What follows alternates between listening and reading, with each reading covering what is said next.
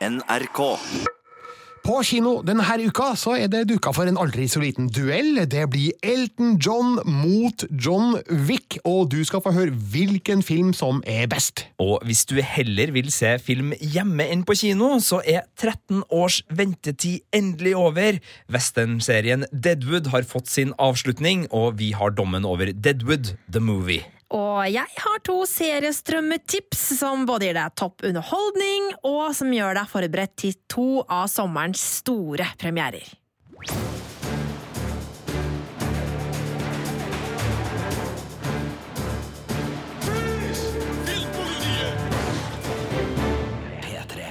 Velkommen til Filmpolitiet. Jeg heter Birger Vestmo, og så har du jo allerede hørt de vakre stemmene til Sigurd Vik? Og Marte Hedenstad. Og vi skal starte på kino denne uka og fortelle om to viktige filmer som har premiere.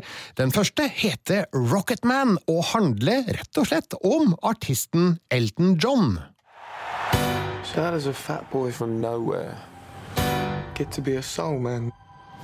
You gotta kill the person you were born to be in order to become the person you wanna be. I'm thinking of changing my name to Elton. But that's my name. Det er jeg som har sett Rocketman, men før jeg kommer med min mening om filmen, jeg må bare sjekke leget her, Marte og Sigurd. Er det lov å like Elton John? Det er så lov å like Elton John, og spesielt tidlig Elton John. Altså, eh, De gamle, gode slagerne og de gamle albumene er jo bare helt fantastiske. Eh, og så kan man jo si hva man vil om hva som har skjedd med stemmen til Elton John på sine litt eldre dager, men back in the day så var han god! Ah, det må være lov å eldes for eh, Ja. rockestjerna og Sigurd. Elton John. Hold me closer, tiny dancer, sier jeg bare. Jo da, det er helt greit å digge Elton John. Og eh, jeg la merke til en ting på det lille lydklippet vi hørte nå her, Birger. Det hørtes jo nesten ut som en sånn super, eh, superhelt-tilblivelseshistorie med sånn her I'm gonna change who I am.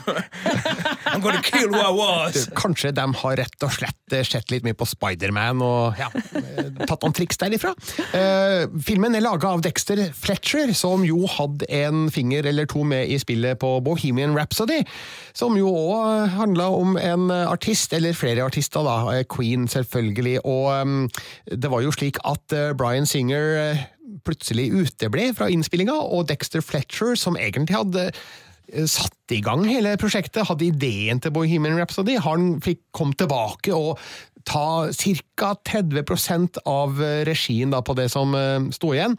Eh, Så han vet et og annet om å ha suksess med filmer om kjente artister, og du skal ikke se bort ifra at han får en viss suksess med Rocketman òg, for det her er en veldig fargerik, sprudlende, morsom, men samtidig sår film om en artist som ikke bare har levd et solskinnsliv. For Elton John han ble født som Reginald Dwight, og um, som filmen forteller, så hadde han en eh, rimelig ulykkelig barndom med to distanserte og lite kjærlige foreldre. Han eh, rota seg inn i musikken, eller kanskje ikke rota seg inn, men han tydde til musikken da, som en slags utvei, en slags flukt fra sin egen hverdag, og um, så oppfant han en ny person, som vi hørte i filmen eh, sitt eh, reklameklipp her nå, så er det noen som sier til han at eh, du må bli den du ønsker å være for å slippe unna den du ble født som, eh, noe i den retning, og han, eh, han finner opp en egen figur, Elton John. Han stjeler altså da, ifølge filmen, fornavnet fra en tidligere bandkompis, og etternavnet det finner han i et radiostudio når han blir bedt om å si sitt hele og fulle navn, og han ser et bilde av John Lenn på veggen. Jeg vet ikke om det her er faktisk sånn Elton John fikk navnet sitt, altså, men det er en plausibel forklaring, i hvert fall da, ifølge filmen. Så jeg vet ikke om eh, Hadde vi digga Reginald Dwight like godt, eh, Marte og Sigurd? Hold me close, Reginald Dwight. Ja, ja, ja, ja, ja. Eh, det skal også sies at ok, Rocketman det er ikke en stor film. Den går ikke langt litt ned i dybden. Vi kommer ikke helt under huden på Elton John. Eh, Det her er mer Mamma Mia-type film, der vi skal få hyppige gjenhør med de store hitsa, satt i en morsom, sprudlende musikalsammenheng. Og der lykkes Dexter, Dexter Fletcher og, og filmen. Eh, Jeg blir underholdt, og jeg blir mora av de morsomme påfunna, og musikalscenene er full av fart og energi og oppfinnsomhet, og da velger jeg å overse at eh, historien som fortelles, den er forholdsvis overfladisk, og det skal hamres inn hva vi skal synes om Maine, og en del av figurene i filmen er fryktelig overtydelige, hvis man forstår det. Spesielt mora til Elton John i filmen. Hun er så, hun er så bad at eh, Ja, eh, Bryce Dallas Howard er jo en, en habil skuespiller, men her har hun virkelig ikke noe å spille på, og jeg vet ikke om det er manuset som er skyld i det, eller at hun har fått instruksjon av Dexter Fletcher om å spille sånn, eventuelt ikke fått instruksjon fra Dexter Fletcher. Det kan Eller kanskje mora var sånn? Nei, det Vet du hva? Da får jeg vondt i hjertet mitt. Har Elton John virkelig gått gjennom det der? Nei, Ja. eh, men eh, det er en film der sjølve dramaet er egentlig mindre viktig, da. Det viktigste her er å få en følelse av stjernelivet på 70-tallet, på godt og vondt, og um, at musikken hans blir satt inn i en kontekst. Og det er litt morsomt, fordi her brukes musikken vilkårlig i forhold til når vi er i historien, sånn at den, den unge Elton John, altså som barn, synger jo låter som Elton John skrev noen- som voksen. Og da kjenner jeg at jeg Det kjenner jeg at jeg vet ikke helt om jeg liker. Nei, men du, det syns jeg var et ålreit uh, trekk, faktisk. Okay. eh, for eh, ja, hvis ikke så hadde det jo blitt eh, halvparten av filmen uten musikk i det hele tatt, da. Ja, men, for det er det, eh, men hvordan, i hvilken kontekst eh, på en måte synges det da? Er det en sånn slags musikaltype synging, eller er det at han liksom sang de sangene på den tida? I høyeste grad i Ja, musikalsammenheng. ikke sant? Ja, men da skjønner jeg det. Det Ja. tenker jeg kan så, være kult. Så eh, Elton John, eh, da han var sånn ca. tolv år kanskje i filmen, så synger han The Bitch Is Back, for eksempel. Ah. Eh, og det syns jeg fungerer veldig bra. Ikke sånn at tekstene nødvendigvis forteller noe om det som skjer i historien akkurat da, men stemningsmessig så passer det inn med hvor filmen vil ha oss hen. Så det syns jeg har blitt et eh, vellykka preg da fra filmen og regissør Dexter Fletcher. En av mine innvendinger mot Bohemian Rhapsody var jo at uh, med unntak av signaturlåta og tittelkuttet Bohemian Rhapsody, så fikk ikke vi noe inntrykk av hvordan Queen laga musikken sin. Altså Det var bare liksom fra låt til låt, så bare satt de der og hadde liksom laga den ferdig. Sånn 'Å, jeg har en ny bassgang', og så bom, bom, bom. Bom, bom, bordom, så var, Bohem, så var liksom Another One Bites the Dust ferdig. Så som, som film om musikere så var han fattig. Eh, hvordan blir det her, da? Så, altså, hvordan får man inntrykk av musikeren Elton John når det framføres i musikalform? Ja, altså, Den går ikke dypt til verks i hvordan han laga sine mest kjente hits, men vi får glimt av samarbeidet med tekstforfatter Bernie Taupin, som spilles av Jamie Bell, en skuespiller eh, vet du, Hver gang jeg ser han, og jeg ser han jo i 10-20-30 filmer, jeg tenker bare Billy Elliot. Oh, ja, han, ja! Det er han som spiller Billy Elliot, og han ser jo akkurat likedan ut. Ok, litt eldre, da. Men han spiller Bernie Taupin, og um, vi ser hvordan uh, Taupin skriver tekster, og Elton John setter seg ned ved et piano og prøver å klimpre frem et eller annet som passer til teksten, og så er det plutselig Your Song. Ikke sant? Eh, så vi får en følelse av hvordan det muligens kan ha vært å eh, få fram eh, disse klassiske melodiene, eh, uten at eh, det blir veldig teknisk og detaljert. Så eh, den som vil ha mer kunnskap om hvordan Elton John og Bernie Taupin lager musikken sin, bør kanskje se et annet sted. Men den er, den er fin på å skildre forholdet mellom de to, eh, hvordan de var avhengige av hverandre for å få skapt musikken, og hvordan det eh, på et tidspunkt eh, skaper gnisninger, fordi Elton John sklir jo ut i det 70-tallets rockeliv hadde å by på av ting, eh, og det er jo også en del av denne flukten Elton John er ute på da fra Reginald White og mora og faren, og mm, Rocketman vil nok aldri vinne noen Oscar, sånn som eh, Bohemian Rhapsody utrolig nok gjorde. Altså, nå må jeg understreke her, eh, det vet dere Sigurd og Marte, men ikke det alle som hører på, at jeg har jo ikke sett Bohemian Rhapsody. Så jeg kan ikke sammenligne de to filmene her. Men eh, jeg tror ikke Rocketman har noen Oscarsjanser. Det er ikke en sånn type film. Men den kommer til å tilfredsstille, for det første, Elton John-fansen. Og så har den nok eh, energi nok til å kanskje muligens tiltrekke noen nye fans. Eh, jeg tror det var mange som så Bohemian Rhapsody som ikke nødvendigvis eh, hadde noe sterkt forhold til Queen fra før. Og vi så jo hvordan Queen-musikken bare skjøt oppover sånn strømmelista og sånt etter at filmen kom, og det er ikke utenkelig at det samme vil skje med Elton John nå, da, som Rocketman har kommet på banen. Så perfekt film? Nei, vi kan vel ikke si at det er det. Og det er visse trekk ved den som er ja, jeg vil si sånn halvdårlig. Eh, så drama, dramatikken sitter ikke som et skudd, men musikken er det ingen som, som kan klage på, og jeg syns den brukes veldig godt. Og du, dægen, det er jo en ting jeg glemmer her. Og det å skryte av Taron ja. Egerton. Taron Egerton fra Kingsman og um, hva annet han Robin Hood. Robin Hood ja. Han spiller faktisk skikkelig bra som Elton John. Altså, Jeg kjenner igjen Elton John i faktaene og bevegelsene og ansiktsuttrykket. Det er, det er litt sånn fårete gliset han har. Og øh, den glamorøse fremtoninga på scenen har nailer det, og ikke minst så synger han overraskende godt. Så øh, Taron Egerton har gjort en god jobb her med å kanalisere Elton John, øh, og det gjør jo at Rocketman har blitt en, en film som Elton John-fansen vil kun sette stor pris på. Så jeg gir terningkast fire. Eh, mest av uh, musikalelementene. Jeg elsker musikaler. Trekker jo ned for uh, det dramatiske her, da. Burde muligens sikkert ha trukket enda litt mer, men nei, fyttesprisen, det Man kan vi ikke. Vi må kose oss litt òg, og Rocketman har evnen til å um, more, underholde og hygge publikum, samtidig som at det er mulig å få et visst hjertelag for Elton John og det han har vært igjennom. Så det var Rocketman. Fikk dere lyst til å se den, Marte og Sigurd? Vet du hva, jeg skal se den, eh, ikke nå til helga, for da skal jeg på hytta, men neste helg, da blir det Rocketman på kino. Jeg har lyst til å se den, jeg merker jo også at eh, min fanbit når det gjelder musikk, er ofte på liksom sånn hvordan var de som musikere, hvordan jobba de? Så jeg kjenner jo nå at jeg har lyst til å se en dokumentar om Elton John og hvordan han laga musikken sin også. Det er jo den jeg kanskje er mest nysgjerrig på, men jeg skal absolutt ta med meg Feel Good-varianten, for det høres ut som Feel Good-varianten her. Ja, det... Se den, og så skal jeg gå litt videre inn i det, kjenner jeg, for det... uh, ja. Rocketman er feel good med litt feel bad. Okay. Ja, en, en fin blanding der.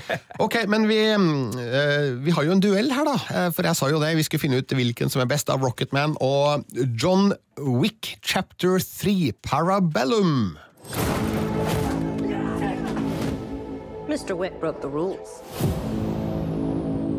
I trust you understand the repercussions if he survives. John Wick, excommunicado, is now in effect.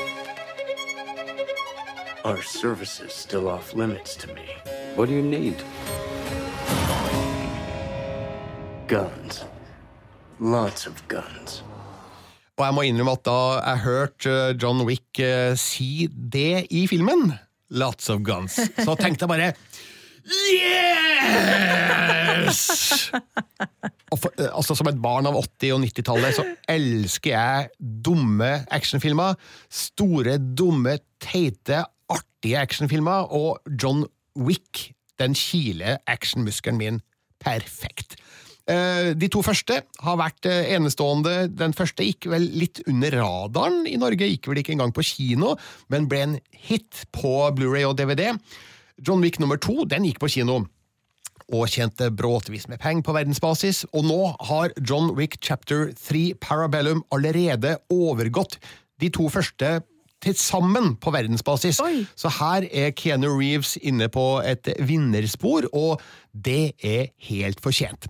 Eh, bare for å forklare bakgrunnen for John Wick, hvis man ikke har sett det her, så handler det om en eh, leiemorder som eh, i den første filmen går ut av eh, pensjon, eh, pensjonerte seg ganske ung da, eh, for å ta hevn over de som drept bikkja hans. Å, det er så jævlig trist! Ja, åh. Å, det, var, det var liksom gaven fra hans avdøde hustru, Ja. og eh, han, det snappa for han. Han gikk ut på killing spree og knerta ganske mange folk. Ja. Eh, I den andre filmen så brøt han en eh, uskreven eh, lov på et hotell i New York som heter Continental, som styres av Ian McShane. Ikke lov å drepe andre leiemordere inne på det hotellet, som er et fristed for bransjen. Så nå, i film nummer tre, så er han fritt vilt med 14 millioner dollar price tag på hodet, og blir jakta på av absolutt alle. Altså alle leiemordere da i New York, og det viser seg at eh, det er mange leiemordere som driver på i New York. Så der har du hele premisset, og stort mer trenger man ikke vite om handlinga, bortsett fra at eh, ja, det jaktes, og det skytes, og det slåsses over hele byen, og ja, litt utafor byen òg, og det er flere interessante figurer involvert, eh, blant annet Zero, spilt av Mark Dacascos, og Sofia, spilt av Halle Berry. Og så får vi gjensyn med Ian McShane da, som hotelldirektøren, og også Lawrence Fishburne som en slags um, ja, underverdenkonge i New York. Så her bygges det videre på suksessen fra de to forrige filmene. Og um, Så Lawrence Fishburne og Keanu Reeves er i samme film? Igjen? Blue Pill or The Red Ja. Pill. Ja, Oi, oi, oi. Men jeg elsker det som skjer eh, i John Wick nummer tre, der eh, hovedfiguren beveger seg mer og mer vekk ifra realismen og mer og mer over i superheltsjangeren, kan vi si, fordi eh, John Wick mottar så mye juling her at eh, han ville jo egentlig vært død etter de tre første minuttene, men han reiser seg gang på gang på gang, og det ser ikke ut som at han lar seg stoppe av verken kulehull eller eh, knivskader eller påkjørsler av bil eller fall fra ganske rimelig store høyder. og jeg skjønner jo de som kanskje påstår at nei, nå begynner det å bli patetisk her. Men jeg syns at overdreven gladvold, det, det er bare bra. Det fins ingen grenser for hva man kan gjøre innafor den ramma, og eh, derfor så godtar jeg glatt at eh, ja, det er nok litt overdrevent eh, til tider her. Ja, altså i hvert fall eh, hvis det ser like bra ut i John Wick 3 som det har gjort i de to forestående filmene. fordi at det er jo det som er med de filmene her, at det er jo ikke bare kul action. altså Det er så utrolig forseggjort. Eh, elegant og stilig og velkoreografert. Altså, det er jo knallbra! Ja, Nydelig filma av danske Dan Laustsen, som jo har filma flere svære Hollywood-produksjoner. Og eh, det er så mørkt og samtidig så fargerikt at de har nok vært inn i bildene her og skrudd opp fargene ganske betraktelig, for eh, det, det, det er hyperrealisme med litt sånn tegneseriepreg, føler jeg. Jeg er bare litt spent på, for du, du har uh, lært meg nå fra dine anmeldelser i film opp igjennom, Birger, og det er at uh, action er vel og bra, men det må være spenning i actionen. Altså, du kan ikke bare ha flat action som du ikke øh, blir Der ingenting står på spill. Altså, du må klare å, å bruke actionscenene til noe. Og blir John Wick øh, i fare liksom, for at Du snakker om at han er øh, indestructible, nesten. Altså, er det noe på spill i scenene, og føler man at scenene i seg sjøl har en indre spenning som gjør at du er nysgjerrig på utfallet, eller nærmer filmen seg det litt sånn litt for glatte og litt for, øh, for dumme? Altså, Du er jo inn på noe her, Sigurd. Det virker jo som at eh, John Wick omtrent er udødelig, og hva er risikoen for han da? Men litt av spenninga her eh, er jo disse ulike alliansene som opprettes i løpet av filmen. Altså, På et tidspunkt så møter jo da John Wick eh, Sofia, spilt av Halle Berry, eh, som han søker hjelp eh, hos. Eh, og så er det noe som foregår mellom eh, John Wick og hotelldirektør Ian McShane, som kan være spennende. Og så kommer det en ny representant inn her fra Det høye bord, som er ja, det er vel en slags eh, overordna styringsenhet for alle verdens leiemordere. Så det er intriger bak alle actionscenene her, altså som eh, Jeg skal ikke si at det er Shakespeare eh, på noe som helst sett og vis, men eh, det bidrar til å gi filmen en, en nerve, da, sjøl om jeg går jo ikke akkurat rundt og venter på at John Wick skal dø halvveis i filmen. Det gjør jeg ikke. Eh, Sjøl om han blir utsatt for ekstreme påkjenninger og farer og omringes av eh, ja, 50-60 bad guys med gønnere, Så det er ikke sånn at jeg tenker at å nei, shit, hva skjer nå, skal John Wick dø? Det, så, sånn, sånn er det ikke. Men jeg vet ikke, må man ha en sånn ekstrem spenning gjennom en hel actionfilm så lenge den blæste av gårde bad guys eh, en gang i minuttet? Ikke sant, For spenningen ligger kanskje i hvordan skal han ta knekken på alle disse 50 folka med gunnere som er mot han? Men jeg tror litt av magien til John Wick i første filmen var jo nettopp at han mista hunden sin. Altså At det var et tap der, og at det er noe som gjør at ok, han er kanskje ikke sårbar for kula, men altså han, er, han har uh, sårbarhet emosjonelt. da. Så uh, jeg sier ikke her at uh, det burde ha vært noe sånt, men jeg, bare, jeg merker at noen actionfilmer i 2019 kan bli litt for opptatt av at det skal se kult og bra ut, og så glemmer de både at scenene i seg sjøl bør ha en spenning, altså at det bør være eh, fengende å se på dem utover at det bare er store eksplosjoner, men også at det da skal inn i ei, i ei spenningshistorie, og at man skal liksom føle at det står noe på spill. Eh, Men eh, det er en større diskusjon. altså Jeg er glad for å høre Birger si at John Wick funker, for det her er en filmserie jeg er veldig glad i. Så det, det, du, du beroliga mitt hjerte ved å, å si det. Og som du var inne på, Marte, The Raid har jo blitt nevnt som liksom stilistiske forbilder for John Wick-filmen. Det er jo to filmer satt i Asien, eh, der det handler egentlig bare om å, å slåss seg gjennom en bygning på mest innovativt og ja, velkoreografert vis. da, og eh, Jeg husker spesielt eh, når jeg så John Wick 2. Eh, all skytinga og pistolgrabbinga og armer som liksom gikk i så ut som å gå ut av ledd hver gang han rørte på ei hånd, nesten Keanu Reeves. og Det var jo mye av der gleden lå, da, i å se hvor utrolig vakkert uh, det her voldsverket var. Så jo da, jeg er ikke bekymra altså, når du sier det her, Birger. Det er en ting jeg har uh, satt fingeren på da, i anmeldelsen av John Wick eh, chapter 3 Parabellum, og det er vel det eneste negative jeg har å si om filmen. Det her kommer til å høres helt feil ut, da, men uh, blodspruten er fake. Ja, altså eh, Det skytes jo gjennom hele filmen, og eh, skurkene de faller for fote i hopetall, og bodycounten er ekstremt høy. Eh, Men hver gang noen skytes, så spruter det digitalt blod. Og for en elsker av eh, practical effects fra det glade 80-tall, så jeg, jeg vil ha sånne mm, blodposer under skjorta altså, som eksploderer. Det vil jeg ha fordi at det ser bedre ut, og det føles mer ekte ut. Uh, Sjøl om det sikkert ikke er veldig realistisk, det heller. Så er det et eller annet med digital blodsprut som bare virker ja, fake. Jeg vil ikke ha det sånn, så bort med det. Eh, rett og slett så må man eh, gå tilbake til røttene her i eh, neste John Wick-film, hvis det kommer eh, noen flere John Wick-filmer, for gudene vet hvordan John Wick nummer tre slutter, det har jeg ikke sagt noen ting om. Men eh, bort med digitalt blod, det ser dårlig ut, eh, inn med mm, practical effects. Hvordan vil du uh, rangere John Wick-filmene sånn i Keanu Reeves sitt, uh, sin filmkatalog? Altså, han har jo spilt Neo i Matrix, han har spilt uh, i Speed, han har spilt i Point Break, han har spilt Ted i Bill and Ted-filmene. Altså, han har jo hatt en del veldig kule roller, både artige og actionroller. John Wick-rollen for Keanu, hvordan er den, Birger? Ja, det er vel en av hans bedre, vil jeg påstå, men klart, du nevnte noen klassiske filmer her som eh, selvfølgelig har eh, litt mer tid på seg til å ha festa seg i vår eh, felles hukommelse, og for min del så er jo spesielt Point Break en favoritt, da.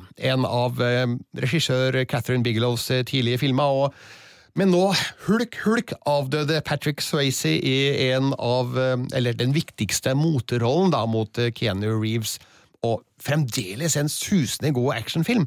Er ikke helt utenkelig at eh, det er en av inspirasjonskildene til en regissør som Chad Stahelski, da, som har laga John Wick. Eh, Bill and Ted-filmene har ikke jeg sett på 20 år, så jeg kan ikke lenger uttale meg om hvor gode de var. Men så står jo Matrix nummer én da i en særklasse også. Vi snakker vel ikke så høyt om eh, Matrix eh, 2 og 3 lenger, kanskje, men i Aldri hørt om. Ja, Nei, i hvert fall, men den første Matrixen er jo en udiskutabel klassiker, så jeg må nok si at de to filmene, Matrix og Point Break, eh, i min katalog rager høyere enn John Wick, men eh, herr Wick ligger ikke langt bak, altså. Eh, og for å rangere de tre John Wick-filmene, så eh, må jeg si at alle tre sauser seg litt sånn sammen for meg, for eh, de er jo veldig like, og det er jo det samme som skjer i dem. Og rent stilistisk så eh, har de sterke likhetstrekk. Så jeg vet ikke om det egentlig går an, men klart den første filmen er jo alltid den beste, er det ikke da? Men jeg lurer på om jeg faktisk rangerer nummer tre her nå, et hakk over nummer to. Uten at jeg har noen veldig gode argumenter for hvorfor akkurat her og nå, men eh, ja, det er i hvert fall sånn det føles på det her tidspunktet, få dager etter at jeg så den tredje filmen. Men hvis duellen da var Elton John mot John Wick, eh, sånn som vi starta i denne podkasten, og Elton John-filmen fikk terningkast fire, eh, vinner Elton John, eller vinn vinner John Wick? Og hva er i så fall terningkastet på John Wick 3? Altså, jeg har høy eh, respekt for alt Elton John har oppnådd i løpet av sin karriere, og eh, som sagt, jeg koste meg ordentlig med filmen hans, eller filmen om han, da. Men eh, han blir jo knust av John Wick og Keanu Reeves, fordi jeg syns eh, John Wick Chapter 3 Parabellum er en strålende actionfilm på alle mulige måter, full av fart og moro og blod og ingen dødpunkter, og derfor så har den fått terningkast fem. Så derfor er det bare om å gjøre å komme seg på kino snarest om du har noe som helst interesse for god actionfilm.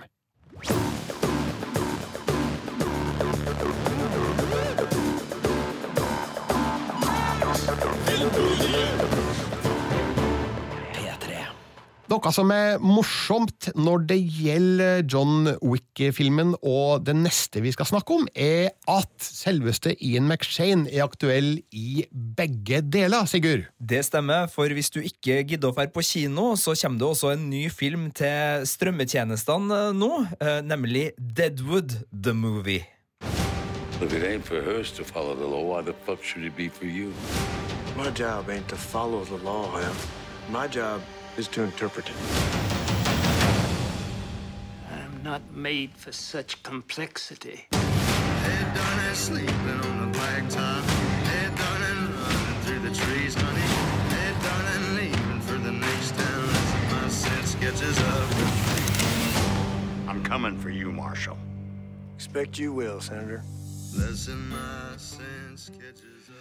Deadwood er altså, etter min mening, en av tidenes beste TV-serier. Eh, rangerer den eh, omtrent like høyt som Sopranos og Six Feet Under og Game of Thrones. Jeg vet ikke hvordan du har det, Sigurd? Jeg er helt enig med deg, og du ga jo øh, de tre eller fire De 36 episodene av Deadwood-serien, eh, som da avsluttes i 2006, de fikk terningkast seks av deg, Birger. Øh, Hvorfor får Deadwood terningkast seks av deg? Nei, fordi Nå husket jeg lenger hva jeg sa da i den anmeldelsen, for det er lenge siden nå, men eh, fordi jeg elsker miljøskildringa. Jeg elsker figurene, måten dialogen er lagt opp på.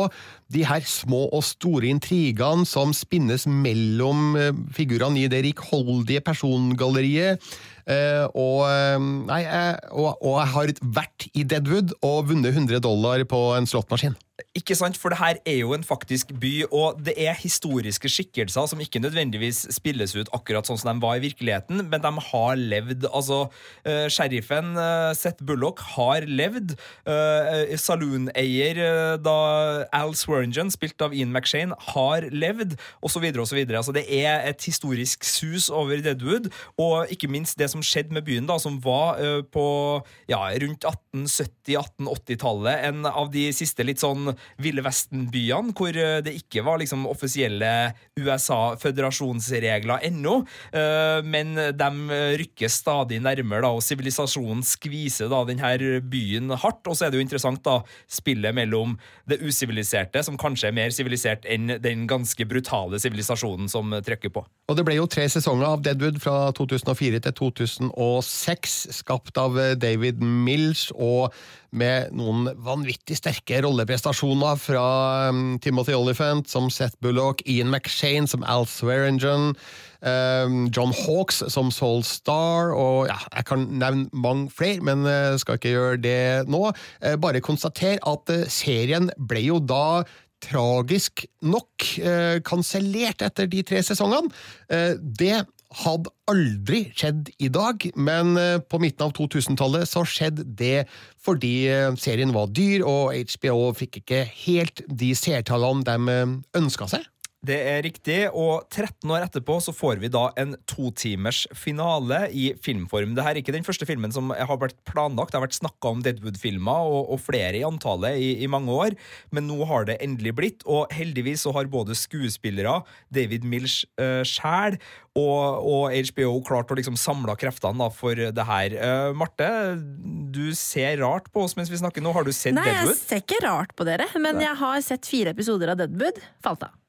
Ikke sant. Så det er ikke en serie for alle, men for fansen så er det her altså er Kline til jeg, Birger. Det er tidenes beste westernserie. Og det er det Ferdig som er problemet snakka. for meg. Vet du, at uh, for når jeg, skulle da begynne å se Deadwood, så måtte jeg komme over det at det er western, for å begynne å like Ja, det. men det, det er jo ikke en westernserie, egentlig. Det er en serie som tilfeldigvis foregår i westerntida. Litt sånn som eh, Game of Thrones eh, tilfeldigvis foregår i et fantasyrike. Eh, Så det har jo noen av de samme kvalitetene, og jeg syns jo det var et utrolig godt manus og veldig interessante rollefigurer, men så uh, er det et eller annet med hele den settingen som ikke fenger meg helt, så jeg falt litt av. Men eh, det er en serie som er på blokka for å prøve å se igjen, altså. En eller annen gang man har tid til det. Men jeg liker at du trakk inn Game of Thrones, fordi det er jo en serie som nettopp har prøvd det å lande i avslutning som alle på en måte skal bli tilfreds med. Altså, du har mange rollefigurer som har holdt på over lang tid, og så skal du liksom klare å samle trådene og få til ei avslutning som, som funker.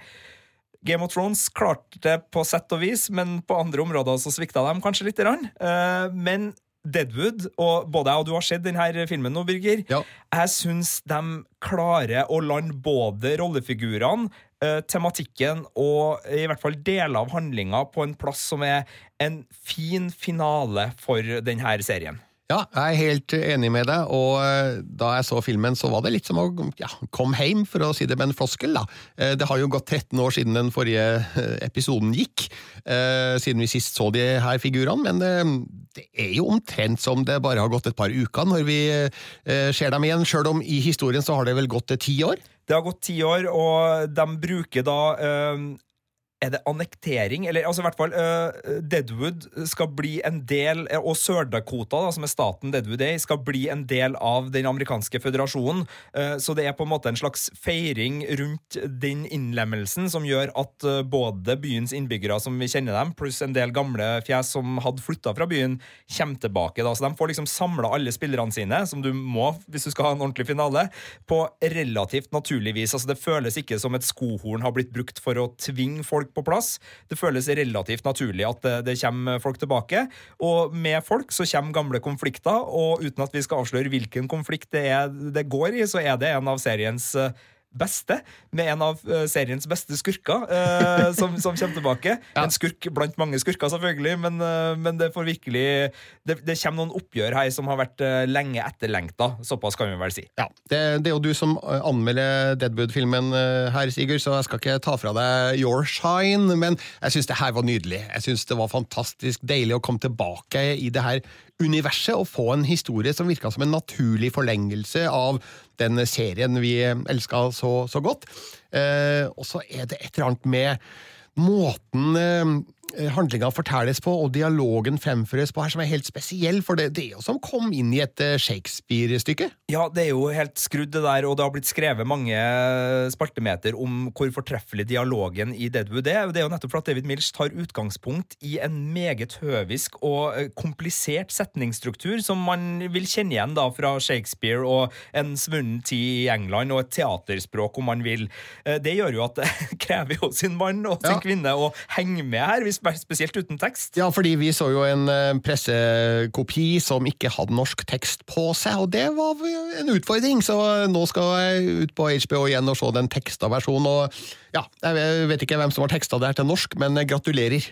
Ja, nei, det, det er kompliserte greier. Men det som skjer da, som er så fint med Deadwood, er at til og med i dialogen så får du en dobbel bunn. Du får eh, deilig dialog, som er helt eh, uovertruffelig deilig, med masse trusler som er skjult, og masse lengsler som er skjult, og masse uh, dynamikk som ligger i måten setningene brukes på. Og undertrykte følelser. Absolutt, så så du får den biten. Samtidig så brukes det her språket også til å si noe om de kontrastene som ligger, fordi uh, Deadwood, da Deadwood-byen ble starta, ble jo starta av forferdelige, spesielt mannfolk, da, som bruker drap og trusler og undertrykking for å få det sånn som de vil.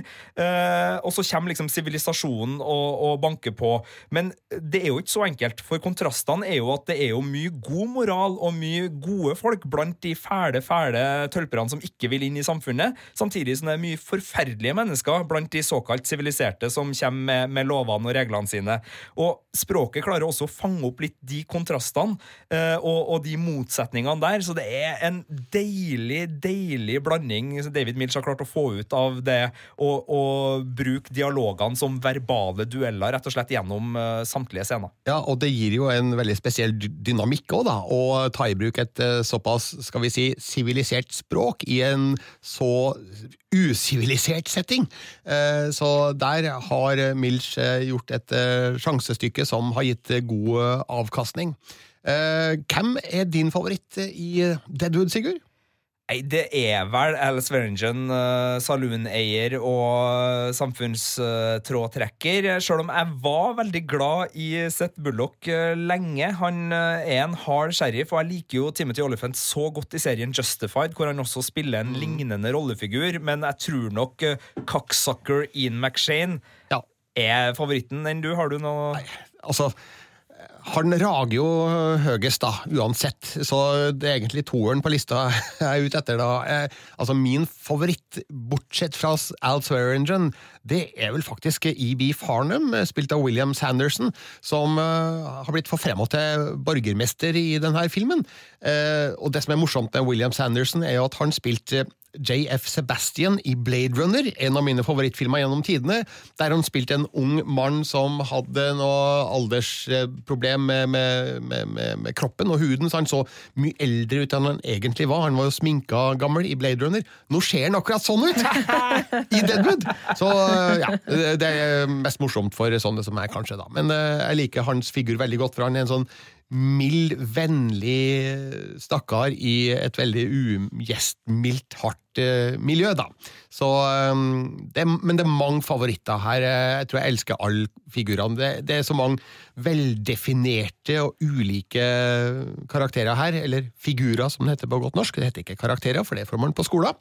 Eh, at eh, det, det er så rikholdig at eh, Marte, du, du er bare nødt til Ja, å prøve om igjen. gi det en ny sjanse. Jeg skal gi det en ny sjanse. Jeg måtte jo for eksempel eh, begynne på Breaking Bad altså tre ganger før jeg så hele greia. Uh, ja, det, jeg, de, jeg så de fire første episodene eller noe sånt noe, to ganger, og på tredje gangen så klarte jeg å se, se ferdig. Det fenga meg ikke, men så kom jeg inn i det til slutt. da. Men hun er veldig god på å se hekseserier, Martha, Altså. De tar henne på første forsøk hver eneste gang, så vi skal ikke være slemme. Skal vi prøve en oppsummering på Deadwood the Movie, Sigurd? Ja, og det er jo nå vi eventuelt blir uenige, da, Birger. Men jeg har valgt og det var litt vanskelig, men jeg har valgt å ikke gi terningkast seks til denne filmen, sjøl om jeg mener at serien er en terningkast seks-serie. Og det er fordi jeg syns øh, den er litt for melodramatisk og teskjematende i måten den bruker klipp fra serien som den altså originalserien for å fortelle oss om hvilke konflikter som ligger her, og hvilke relasjoner som ligger der. Altså Når det er folk som er glad i hverandre, så klippes det tilbake til sist de møttes. For å fortelle Dette Ja. må du huske på. Det her må du huske på. Husk hvor glad de var i hverandre. Og samtidig, når det gjelder konflikter og, og en del av de, de store sårene, så, så gjøres det samme. Det syns jeg er et unødvendig grep. Jeg synes det, er, det, det skaper en sånn, eh, et lag av litt sånn såpedramatikk, litt melodramatikk, da, som jeg ikke syns kler serien, og som jeg ikke syns er nødvendig. Men det er min innvending. Jeg vet ikke om du er enig, Birger? Nei, Jeg er ikke uenig, i hvert fall. Eh, Ser jo at det er visse deler av handlinga som kan virke litt anstrengt. At eh, det er litt for mye som må på plass på veldig kort tid her for å gi alle rollefigurene en slags eh, forløsende avslutning. Så ja, jeg er med på den. Men det er ikke langt unna sekseren, vel? Ikke langt unna sekseren, og det, det kunne ha vippa begge veier. Og, og en sekser skal jo ikke være helt perfekt, nødvendigvis, så man kan kanskje klare å, å si at det er nesten en sekser sjøl med denne lille innvendinga, men jeg valgte da å, å være litt streng, så det ble en, en veldig sterk femmer på terningen. Og Deadwood The Movie ser du på HBO Nordic. Eh, Før du ser den, så ser du selvfølgelig alle de 36 episodene av serien Deadwood eh, Marte.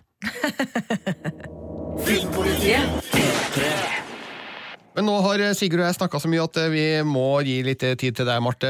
Du skal gi oss to viktige strømmetips denne forsommeren. Ja, og vi kan jo da bare holde oss på HBO Nordic, da, for i tillegg til strømmetipset Deadwood, som åpenbart eh, er noe man må eh, bare få sett, eh, så syns jeg man må begynne å varme opp til, eh, til sommerens eh, storserier.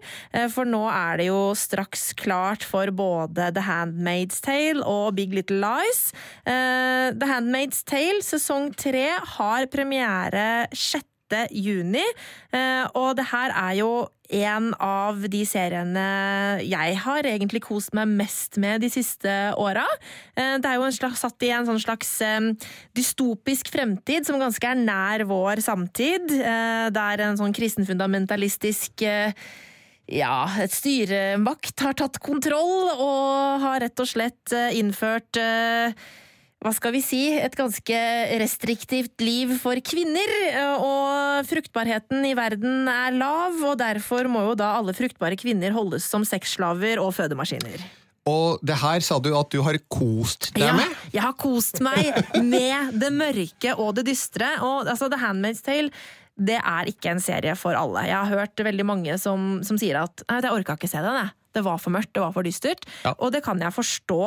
Men samtidig, så, for de som elsker dystopi, eh, noe jeg gjør, og for de som eh, elsker serier med eh, gode dialoger, eh, med et fantastisk visuelt eh, uttrykk, så er det Handmade selv virkelig en skikkelig godbit. Det er jo en serie som virkelig leker med det visuelle. eh, og når det gjelder altså, bildeutsnitt og eh, lys og skygge og speil og alt mulig sånt for å for, for, liksom underbygge eh, stemningen, og, og det er mye symbolikk i selve bildet. Og det er på en måte det at den er så pen, blir et lite sånt pusterom i alt det dystre, da. Mm. Og den har en god del ubehagelige referanser til ting som faktisk skjer rundt oss. Jeg husker fra forrige sesong eh, forfatter Margaret Atwood, som står bak The Handmaid's Tale, uttalte at alt som skjer i Handmaid's Tale, har på en eller annen tid skjedd et eller annet sted i verden. Ja, eh, og det er jo veldig aktuelt eh, i dag med tanke på tilstander i USA, blant annet hvor abort blir ulovlig praktisk talt i ulike stater osv., og, så videre, og kvinners rettigheter innskrenkes i det som man anser som eh, noen av verdens mest eh, velfungerende demokrati. Eh, og det er jo veldig skremmende. Og, det, og i, hvis man ikke har sett The Handmaid's Tale enda, så syns jeg serien eh, skildrer ganske fint på en måte hvor kort vei det kanskje er å gå da, eh, fra der vi er i dag, til et såpass eh, drøyt styresett. Ja, ja. Hvor mye har du sett av sesong tre? Av sesong tre, eh, den har jeg bare sett tre episoder av, men den får jeg faktisk ikke lov å si noe om, fordi der er det embargo eh, på, eh, på episodene, så det må jeg vente vente med å si noe om. Ah. Men eh, vi varmer opp med sesong én og to, eh, og du som ikke har sett det, må bare rett og slett komme deg inn i HBO Nordic. Men du har enda en kvinnetung serie å tipse om. Ja, fordi Big Little Lies det var jo en av favorittseriene mine i 2017. Den kom som en sånn deilig, frisk overraskelse, egentlig, eh, på nyåret den gangen. Shailene Woodley og Nicole Kidman og Reece Witherspoon trakk trakk oss med inn i en verden full av drama, intriger, renkespill og et sånt deilig mordmysterium eh, i en litt sånn søvnig rikmannslandsby et eller annet sted i USA. Ja. Og eh, jeg koste meg altså så mye med den serien. Og nå er det jo da ikke lenge til eh, sesong to kommer. Nei, den 10. juni så kommer sesong to, så for dem som enten ikke har sett Big Little Lies, som var øh, ikke fjorårets, men altså året før der igjen, sin sommer store serie, eller dem som bare trenger en oppfriskning, så ligger da Big Little Lies øh, sammen med Handmaid's Tale sesong 1 og 2 på HBO Nordic. Og øh, ja, jeg er helt enig med deg, Marte. Altså, jeg skal se igjen Big Little Lies. Jeg er litt spent på hvordan den kommer til å funke for meg nå, fordi det er en serie som har en siste episode som øh, øh, har stor påvirkning på det du har sett. Og jeg har ikke sett igjen Big Little Lies siden jeg så den første gangen. Så jeg gleder meg til å se igjen den serien nå som oppvarming til sesong to, uh, med den kunnskapen jeg sitter med. Og jeg beklager Ja. at jeg nå avslører at det er uh, avsløring i siste episoden, men sånn er det. Ja, det er, men faktisk, jeg, jeg, jeg er enig i den. Jeg gleder meg til å se det på nytt, fordi jeg skjønte nå skal jeg skryte av meg selv, for jeg er så sykt god på å løse krimmysterier. Men jeg, jeg løste krimmysteriet i andre episode. Eh, og jeg trodde, og jeg trodde det, det jeg trodde skulle skje, skjedde. Uh, sånn at jeg var jo på en måte egentlig kanskje litt skuffet over slutten. Eh, selv om serien som helhet er jo bare helt fantastisk. Eh, så jeg er veldig spent på hvordan det vil bli å se det når du, når du veit at det du tror stemmer, faktisk stemmer. Og det her er et artig greie. Jeg og Birger deler jo kontor med Marte. eh, Og ved flere anledninger, senest også da med Sharp Object, som var fjorårets store sommerserie og krimhysterie på HBO, så kommer Marte da og sånn Nei, jeg gjetta morderen for tidlig, altså, så det, det var ikke helt bra. Og jeg og Birger bare Hæ? Gjetta morderen? Altså, vi, vi vet jo ikke hvem det er. Du kan jo ikke vite det. Nei, men Når du er så sikker på hvem det er helt fra starten, nesten, så, så Og du tar har det jo, spenninga. du har jo hatt rett i begge, så det, det, Ja. du, du er tydeligvis for Altså, det kan, jo det kan ha vært flaks. Det kan ha vært flaks. Ja, det, Ja, vi sier det, Birger. Det er mye bedre. Ja, Det er så mange hint til ulike ting. Men samme det. Men Big Little Lies, altså. Det her er en eh, ja, lystigere serie enn eh, The Handmaid's Tale, men det er jo ganske mye dyster tematikk inni her også. Eh, men, men det er ikke en tung serie å se. Eh, og det er et fantastisk lydspor her, som brukes på veldig fiffig vis. Ja. Og det håper jeg de fortsetter med i sesong to også. Og, og så kommer det jo Vignettlåta. Vignettlåta. Michael Å, Kibanuga. Den har jeg spilt i her så mye på Spotify. Nydelig låt. Og så nå i sesong to, da, så skal vi jo se på en måte konsekvensene av det som skjer i den første sesongen. Eh, og Meryl Streep eh, kommer inn eh, som en mor, uten at jeg skal si noe mer enn det, for de som ikke har sett traileren. Ja, jeg du skal si noe mer enn det. Og jeg er så spent på hvordan dette skal bli. Det er jo litt fascinerende, fordi Big Little Lies var en serie som vi følte ikke trengte noe oppfølger. Sesong én sto for seg sjøl veldig bra. Men når nå oppfølgeren kommer, så er vi jo med på det. Ja, og så er det jo en interessant greie, da, fordi uh, HBO bruker masse penger på en del serier, og så bruker de mindre penger på en del serier. Og uh, Big Little Lies sesong 1 var vel en relativt dyr serie, uh, men sesong 2 er jo blant de aller dyreste seriene, eller sesongene de har laga.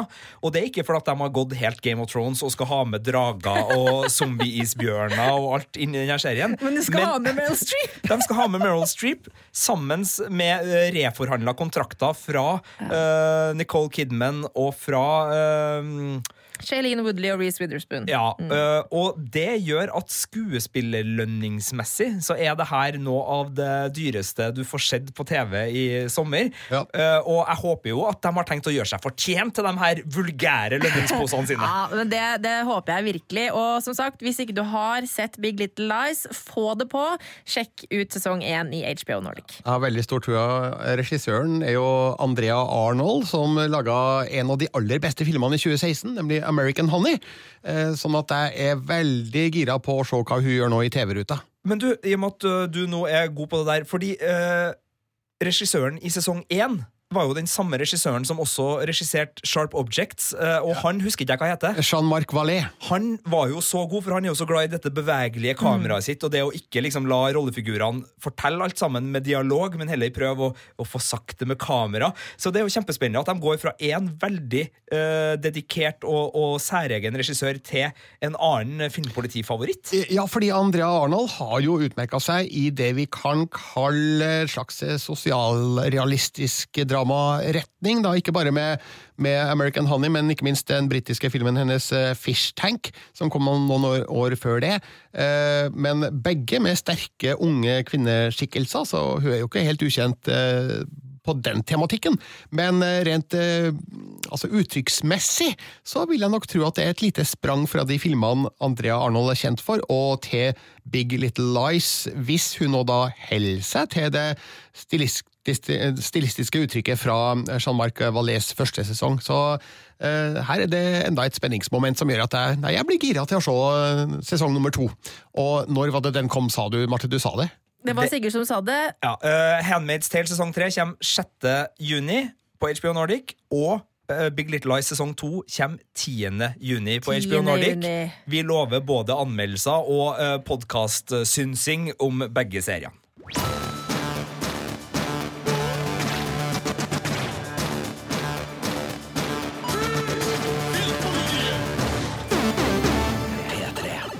Det er straks eh, slutt for denne podkasten fra Filmpolitiet, men eh, Marte og Sigurd, eh, hvordan går det med Game of Thrones-abstinensene, egentlig? Åh, det har, vært, det har vært tungt, men det begynner å gå bedre nå. Og jeg må si at det å se den bakom-filmen The Last Watch, som kom på mandag ut i HBO Nordic, det var en slags terapi.